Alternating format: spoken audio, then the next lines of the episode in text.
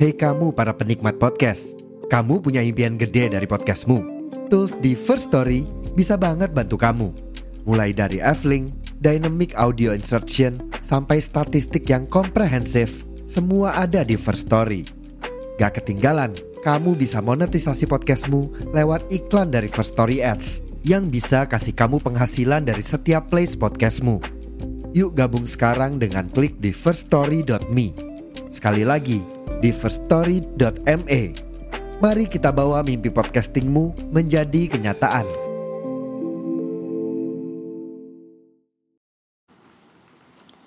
Hai teman sejiwa, kembali lagi bersama saya Ilya Sigma di Suara Santai.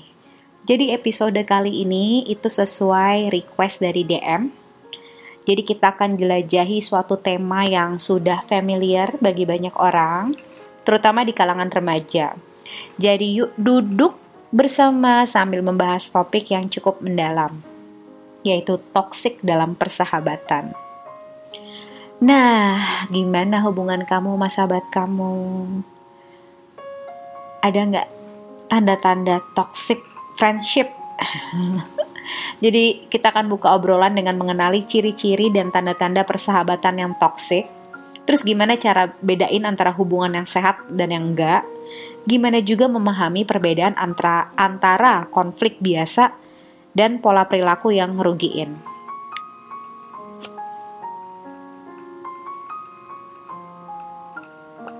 Karena dalam menjelajahi perbedaan antara hubungan yang sehat dan gak sehat, pertama-tama perlu banget kita amatin apakah dalam hubungan kalian ini ada saling penghargaan, ada dukungan, ada kepercayaan di dalamnya. Karena hubungan yang sehat tuh cirinya ada saling hargain, saling dukung pertumbuhan masing-masing, dan juga saling percaya. Ya sih? Tapi kalau hubungannya ada tanda-tanda manipulasi, waspada dong kontrol, dan ketidakseimbangan kekuasaan. Nah, ketika sebuah hubungan menciptakan dinamika yang ngerugiin, seperti dia manipulasi emosional atau ngontrol hidup kamu, ini bisa jadi indikasi bahwa hubungan tersebut mungkin gak sehat. Jadi dengan kata lain, elemen-elemen positif seperti penghargaan dan dukungan itu sejati sejatinya fondasi yang kuat banget dalam hubungan yang sehat. Sementara tanda-tanda seperti manipulasi, terus juga dia posesif, itu bisa jadi sinyal, itu bisa jadi peringatan untuk kamu mengevaluasi kesehatan hubungan tersebut. Dan itu adalah langkah awal untuk mengenali apakah persahabatan itu bisa bawa dampak positif atau sebaliknya. Karena kita perlu memahami ya, Perbedaan antara konflik biasa dalam persahabatan dan pola perilaku merugikan itu jadi kunci untuk menjaga kesehatan hubungan. Konflik biasa dalam konteks hubungan yang sehat itu sifatnya konstruktif karena bisa mampu memperkuat ikatan antar uh, persahabatan. Nah, dalam konflik yang konstruktif itu ada perbedaan pandangan, perbedaan ide, which is okay karena tujuannya untuk memahami satu sama lain lebih baik. Nah, yang perlu diwaspadai jika konflik gitu ya antara persahabatan kalian itu mengarah pada pola perilaku yang ngerugiin satu sama lain. Misalnya sifat-sifat yang destruktif, terus saling nyalahin, terus tiba-tiba dia suka bangun tembok komunikasi, atau kadang-kadang mengabaikan kamu, mengabaikan perasaan kamu. Nah, konflik itu merugikan dan cenderung bikin hubungan jadi lebih buruk daripada memperbaikinya. Nah, dalam hal ini penting banget untuk menggali apakah konflik tersebut sumbernya dari perbedaan pendapat yang nggak sehat atau apakah ada pola, pola perilaku yang terus-menerus menimbulkan ketidakseimbangan dan merugikan. Nah, ketika kita mencoba untuk mengenali pola perilaku itu, memungkinkan kita untuk mengambil tindakan yang tepat. Mulai dari kita bisa ngomong sama dia secara jujur, atau akhirnya kita bisa menetapkan batas yang sehat dalam hubungan persahabatan. Karena penting banget untuk mengenali tanda-tanda. Ya enggak? Penting banget. apalagi tanda-tandanya itu tanda-tanda bahaya dalam persahabatan karena kuncinya itu untuk melindungi kesehatan mental dan emosional kamu sendiri. Tanda-tanda itu bisa mencakup apakah teman kamu tuh mendominasi kamu, memanipulasi kamu, atau bahkan ngerendahin kamu terus-menerus. Nah, dominasi itu mungkin kelihatannya dalam keputusan unilateral tuh nggak memperhatikan pendapat kita, gitu. Kalau manipulasi itu bisa terjadi, dia bisa pakai taktik yang ngerugiin untuk mencapai kepentingan pribadi dia tanpa punya empati sama perasaan kita. Terus kalau ngerendahin tuh bisa juga secara langsung dia ngomong depan kamu atau bisa ngomong di belakang kamu. Itu kan kadang-kadang bisa merusak harga diri dan akhirnya merugikan kesehatan mental kita. Jadi penting banget untuk bisa bedain antara konflik yang normal sama pola perilaku yang membahayakan.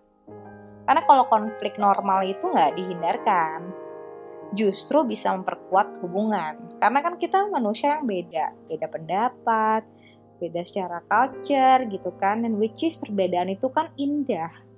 Tapi kalau kita nggak mengenali tanda-tanda bahaya gitu ya, misalnya kita nggak nggak paham bahwa hubungan ini sebenarnya nggak sehat, jadinya agak sulit buat kita untuk mengambil langkah-langkah untuk melindungi diri kita sendiri. Jadi kalau bisa, kalau kamu merasakan ada alarm gitu dengan persahabatan ini, boleh berbicara terbuka dengan temanmu. Menetapkan batas yang sehat. Atau kalau udah ngerugiin banget, memutuskan hubungan. Karena yang paling penting itu diri kamu sendiri. Dengan demikian, kamu dapat menjaga kesehatan dan kesejahteraan emosional dalam hubungan persahabatan. Jadi aku udah cerita kan, bukan cerita aku sih, cerita teman aku. Dia udah bersahabat tuh bertahun-tahun, udah lama lah, mungkin sekitar belasan tahun ya. Sorry aku sambil minum. Nah, cuma di belakang belakangan itu ya orang ini mulai ngerasa ada sesuatu yang nggak beres dalam hubungannya dia sama sahabatnya. Oke, kita sebut misalnya namanya si Lisa.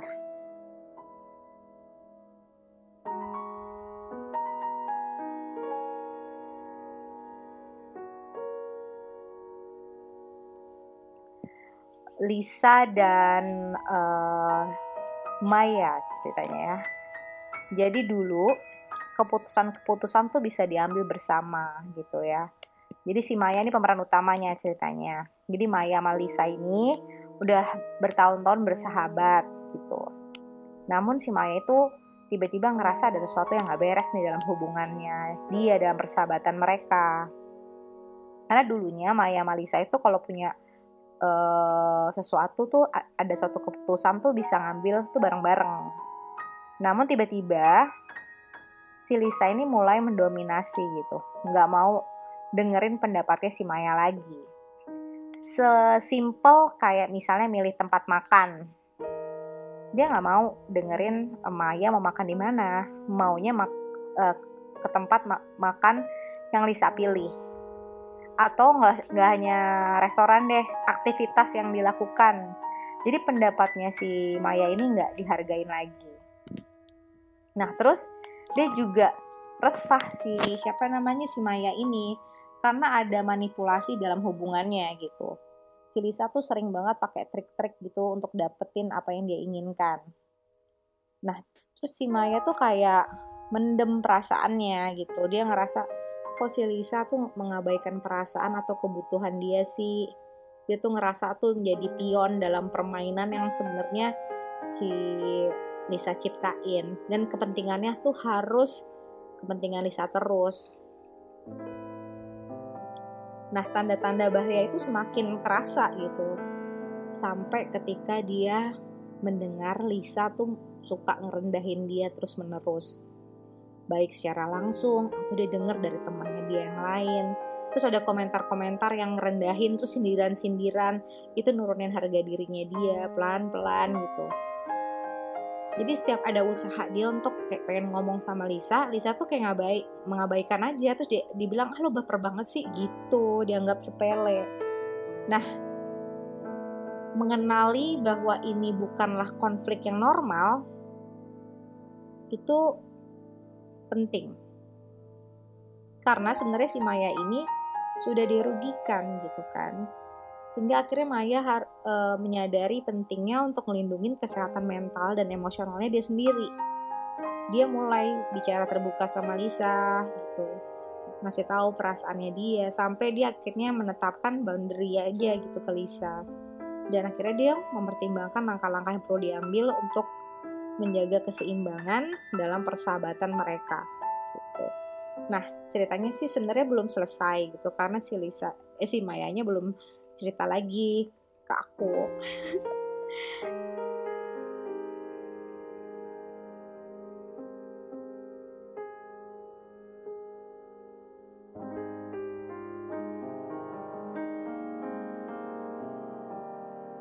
ceritanya. Nah, oke kita balik lagi tadi intermezzo. Karena ketika kita ngomongin toxic friendship gitu, ada dampak psikologis dan emosional gimana hubungan yang gak sehat itu bisa mempengaruhi kesejahteraan mental, bisa lo ada gejala-gejala kayak cemas, depresi, jadi terus juga jadi nggak pede gitu. Nah dalam menghadapi konflik dan mengatasi unsur toksik dalam persahabatan, kita penting banget untuk punya pemahaman yang kuat gimana cara mengelola situasi tersebut. Yang pertama, membangun batas sehat. Jadi kita harus cukup mampu untuk mengidentifikasikan perilaku yang nggak sehat. Jadi batasan yang kita kasih itu jelas gitu. Karena ketika kita membuat batasan yang jelas itu membantu kita untuk jaga integritas kita. Dan untuk kasih tahu dia, memberikan panduan gitu sama teman-teman kita tentang perilaku yang kita mau terima tuh kayak gimana. Jadi kita jadi kayak punya prinsip gitu. Lalu yang kedua, berkomunikasi dengan jujur. Sampaikan perasaan, sampaikan kebutuhan kita secara terbuka. Karena ketika kita berbicara terbuka itu kita buka ruang untuk pemahaman bersama. Dan akhirnya untuk membantu memperjelas ekspektasi dalam hubungan itu kayak gimana sih gitu. Nah, tapi kalau udah sangat merugikan, langkah ketiga memutuskan hubungan yang merugikan tersebut. Karena ketika toxic friendship itu udah mencapai tingkat yang nggak bisa diatasin dan udah termasuk hubungan itu udah nggak sehat kita harus nyusun keputusan yang matang dan melangkah maju dengan memprioritaskan kesejahteraan pribadi kamu. Lalu yang terakhir yang keempat,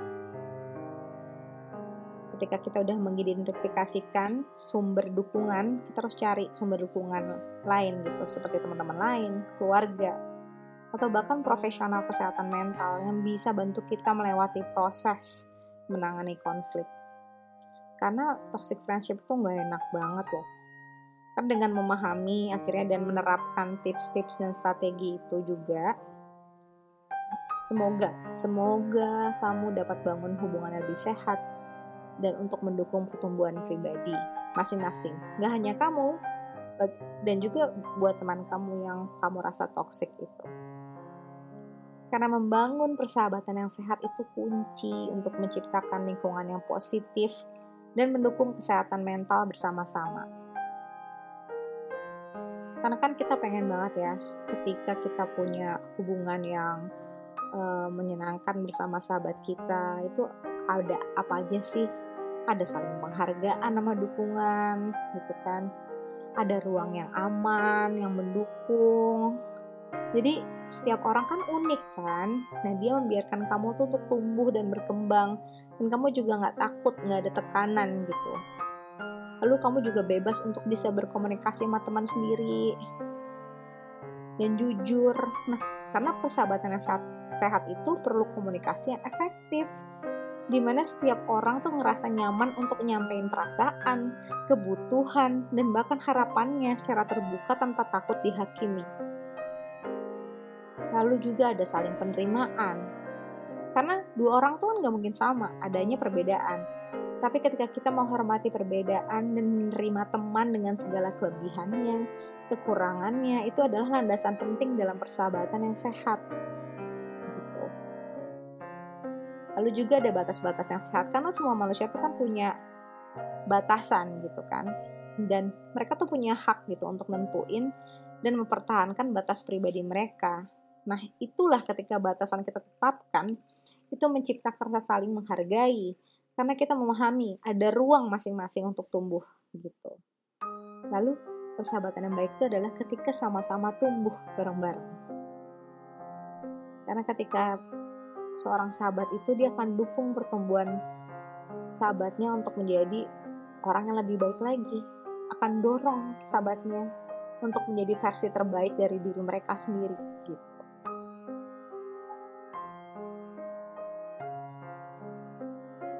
Sekarang coba kamu refleksi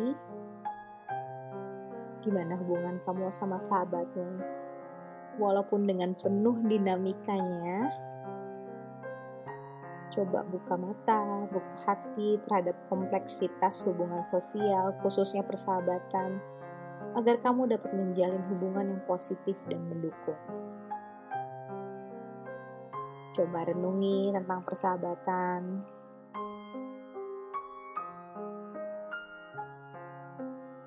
Coba tanyakan kepada dirimu sendiri, apa yang membuat sebuah persahabatan bisa berlangsung dengan baik bagaimana kamu bisa memahami dan meresapi dinamika yang ada.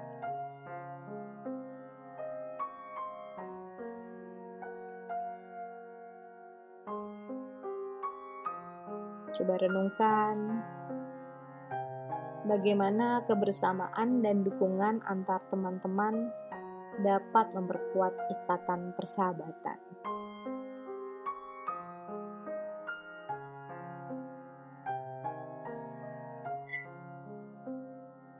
Juga bagaimana saluran komunikasi yang terbuka dapat meningkatkan pemahaman dan kedekatan dalam persahabatan. Karena penting loh berbicara terbuka dan mendengarkan dengan penuh perhatian.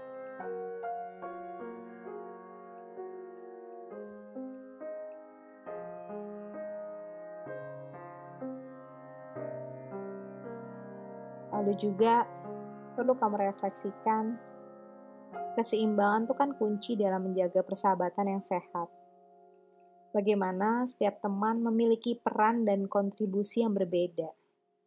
Dan gimana menjaga keseimbangan itu dapat mencegah ketidakseimbangan kekuasaan atau beban emosional. Mungkin kamu sambil merefleksikan diri, kamu bisa ulang ulang rekaman ini lagi dan mungkin bisa sambil berjurnal ya. Lalu kamu juga bisa merenung tentang pentingnya memiliki empati dan pengertian dalam memahami perasaan teman. Kadang-kadang kita suka bilang, ah, dia nggak punya empati, nggak punya empati. Tapi apakah kita sudah berefleksi? Apakah kita juga memiliki empati? Gitu. Bagaimana merasakan apa yang dirasakan oleh teman kita dalam memperdalam hubungan?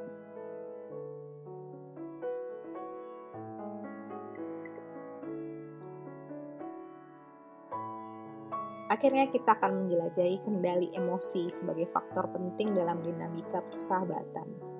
Pertanyaannya, bagaimana kamu dapat mengelola konflik dan perbedaan pendapat tanpa merusak hubungan?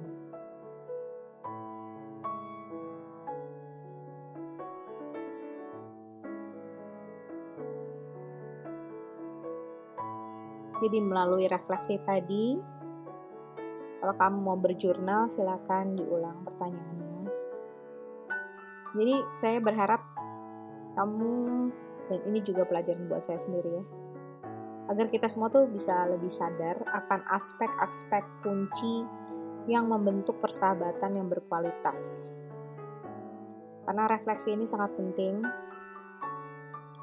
untuk kita berkontemplasi, merenung tentang bagaimana bisa memperkukuh hubungan sosial dalam kehidupan sehari-hari.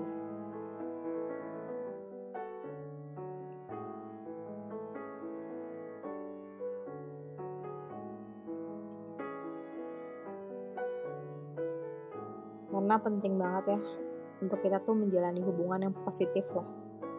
Penting banget kita kan sebagai manusia tuh perlu banget punya dukungan emosional di mana aja kita berada. Tapi apakah kita udah memberikan dukungan emosional juga untuk orang lain? Untuk sahabat kita, untuk memperkuat hubungan persahabatan. Bagaimana kita bisa jadi teman yang mendukung dalam situasi sulit dan bahagia? Bukan hadir ketika bahagia aja, tapi ketika dia lagi sulit, ya kan karena ketika lagi sulit dan ditinggalkan tuh rasanya sedih banget loh lalu juga pemberdayaan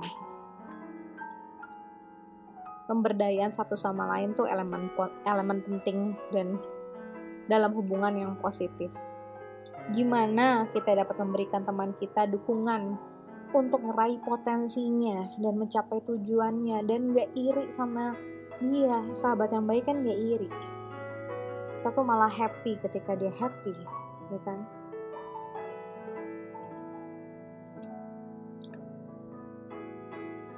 Terus pertumbuhan pribadi. Gimana kita bisa jadi saling menginspirasi antara satu sama lain, ngasih dukungan untuk jadi versi terbaik dari diri mereka sendiri versi terbaik dari diri diri saya sendiri gitu karena pertumbuhan pribadi itu kalau grow-nya bareng tuh kan senang banget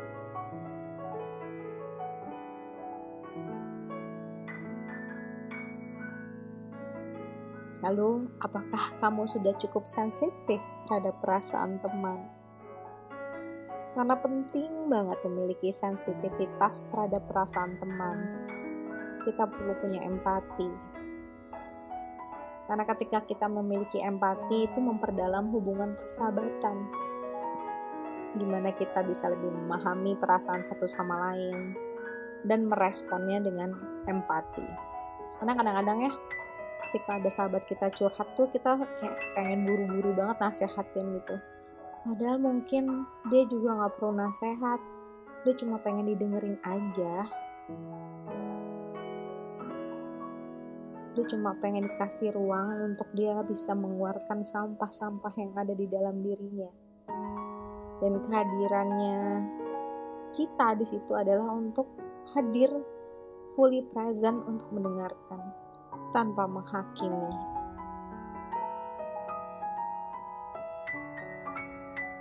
Dan juga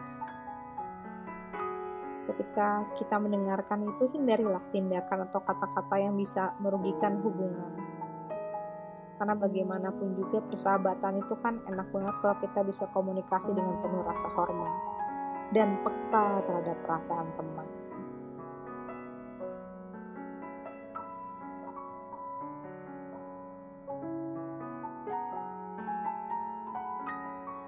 Karena nggak bisa dipungkiri ya,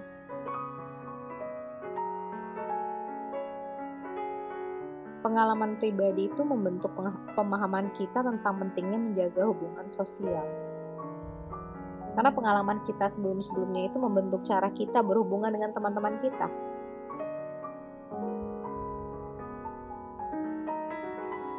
Coba renungkan tentang pengalaman dan hubungan antara persahabatan. Karena ini akan menciptakan ruang pemahaman. Kadang-kadang kadang-kadang tuh kita suka banget jadi victim gitu kayak sahabatku gini sahabatku gini. Tapi kita perlu juga untuk merenung berkontemplasi.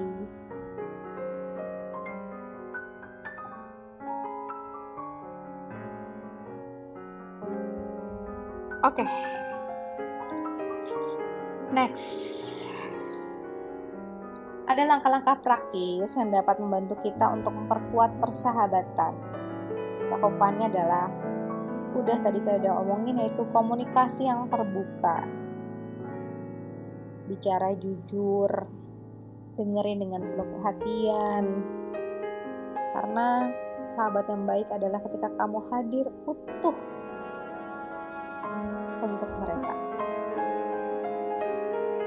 lu juga bisa melakukan aktivitas bareng-bareng. Bersenang-senang karena itu bisa memperkuat ikatan persahabatan persahabatan. Kebersamaan itu kan memperkaya hubungan gitu kan ya.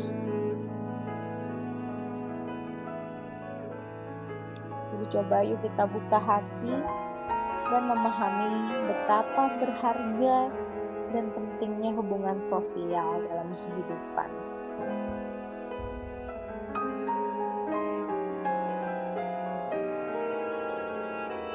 Boleh cerita lagi nggak?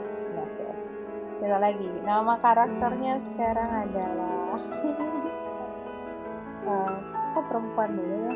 Saya nggak apa-apa lah karena saya perempuan. Uh, Mawar dan Melati.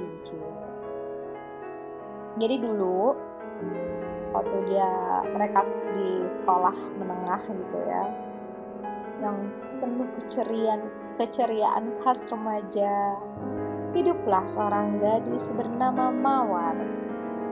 Mawar itu anak yang cerdas, ramah, tapi seperti kisah remaja, dia nggak luput dari bayang-bayang persahabatan yang toksik.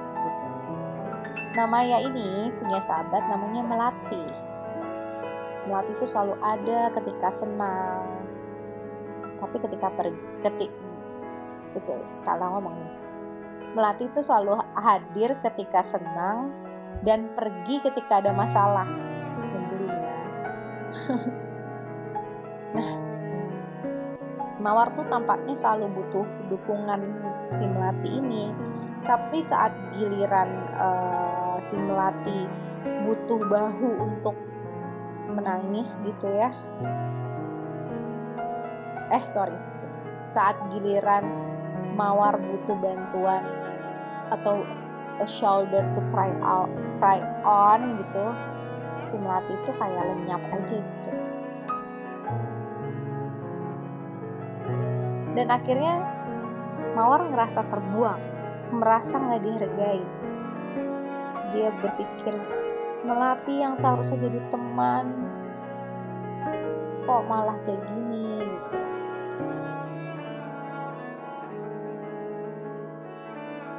dan bahkan temannya itu malah nyalahin si Mawar atas masalah-masalah kecil. Sehingga si Mawar merasa kehilangan. Dan di situ dia mulai menyadari bahwa persahabatan mereka tuh nggak sehat. Akhirnya Maya menemukan jalan keluar. Dia bertekad. Dia mulai bicara dia bu mulai buka uh, apa namanya um, ruang untuk berbagi dengan teman-teman yang lain. Karena mereka tuh tadinya berdua dulu gitu ya nggak terpisahkan gitu. Dan akhirnya dia sadar bahwa persahabatan seharusnya adalah hubungan yang saling mendukung dan saling menghargai.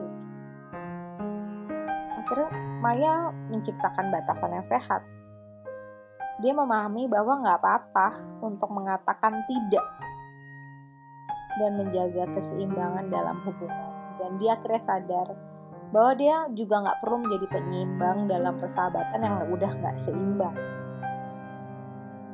Jadi seiring berjalannya waktu, si Mawar memutuskan untuk melangkah keluar dari bayang-bayang persahabatan yang toksik ini. Dan ini bukan keputusan yang gampang, tapi Maya akhirnya ngerasa lebih baik ketika dia nggak lagi terikat oleh, oleh hubungan yang merugikan kesehatan mentalnya. Akhirnya dia mulai punya persahabatan baru dengan orang-orang yang menghargai dan mendukungnya. Dia akhirnya punya komunitas yang mengerti kesehatan mental. Dan akhirnya dia belajar bahwa toxic friendship itu bukanlah satu-satunya pilihan karena dia tuh pantas untuk punya hubungan yang positif. Jadi kisah Maya tuh ngajarin kita pentingnya untuk mengenalin tanda-tanda persahabatan toksik dan punya keberanian untuk melangkah keluar dari hubungan yang merugikan. Sekarang, hidup Mawar menjadi lebih berwarna ketika dia memilih untuk memprioritaskan kesehatan mental dan kebahagiaan.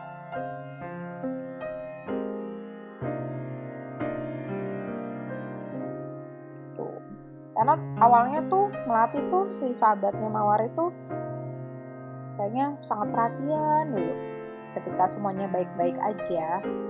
Namun pas Maya punya masalah atau kesulitan, eh si Mawar sok sibuk gitu, nggak mau dengerin. Bahkan kadang-kadang ketika si Mawar, eh sorry, ketika itu si Melati kadang-kadang suka nanggapin sinis gitu, menganggap remeh masalah yang dihadapi oleh si Mawar. terus juga toxic friendship tuh kerasa banget ya. Jadi kayak kisahnya si Mawar dan Melati ini ketika Mawar tuh mau berbagi kegembiraan gitu tentang sebuah pencapaian yang dia berhasil lakukan gitu. Eh si Melati malah merespon dengan meremehkan atau mencari-cari kekurangan gitu itulah sikapnya itu jadi membuat Mawar ngerasa nggak dihargain. Dan membuatnya dia jadi meragukan dirinya sendiri. Kok sahabat bisa gini ya gitu loh. Terus juga si Melati ini juga sering manfaatin kebaikan hatinya si Mawar. Dia suka minta tolong, minta dukungan. Tapi ketika Mawar butuh pertolongan dia malah menghindar. Atau alasannya kadang-kadang gak masuk akal. Pernah kamu punya teman kayak gitu? Nah, karena perilakunya si Melati ini justru membuat Maya ngerasa terpinggirkan dan gak dianggap serius. Terlebih lagi jika si Melati ini suka punya kecenderungan tuh untuk menciptakan drama dan konflik gitu terus kadang-kadang dia suka berkubu gitu sama teman-teman yang lain. Sehingga kan menciptakan lingkungan yang gak sehat dan menekan kan. Itu membuat Maya tuh eh membuat Maya membuat Mawar tuh semakin terpuruk dalam hubungan yang seharusnya jadi sumber dukungan dan kebahagiaan. Jadi bikin dia sedih dan akhirnya depresi. Karena toxic friendship tuh bisa bikin stres loh karena ketika kita merasa itu adalah sahabat kita yang mestinya hadir itu utuh buat kita ternyata ngejelek-jelekin kita atau ketika kita pengen dia hadir dia malah alasannya kadang-kadang nggak masuk akal. Itulah kisah mawar dan melati. Padahal bunga itu sangat indah ya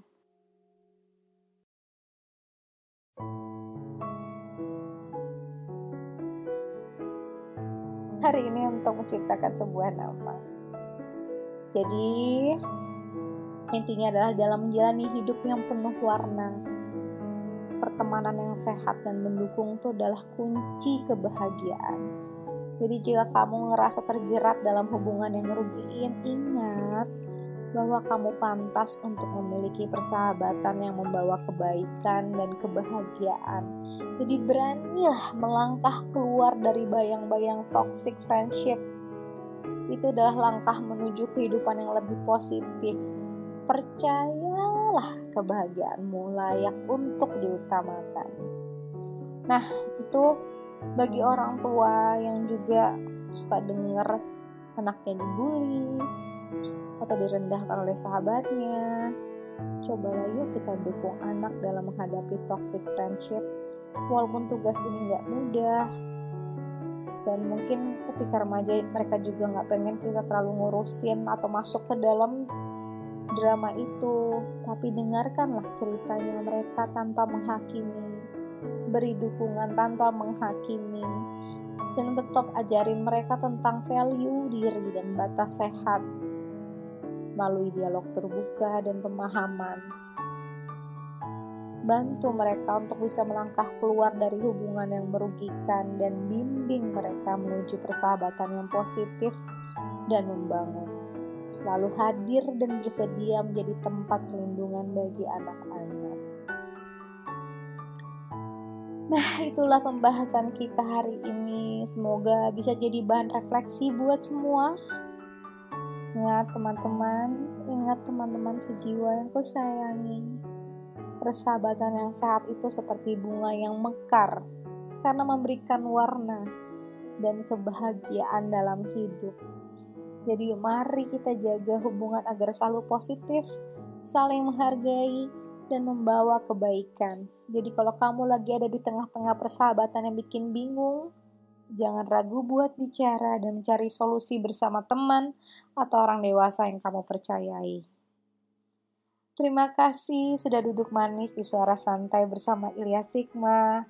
Semoga cerita dan obrolan kita hari ini bermanfaat buat kamu semua. Sampai jumpa lagi di episode selanjutnya. Bye.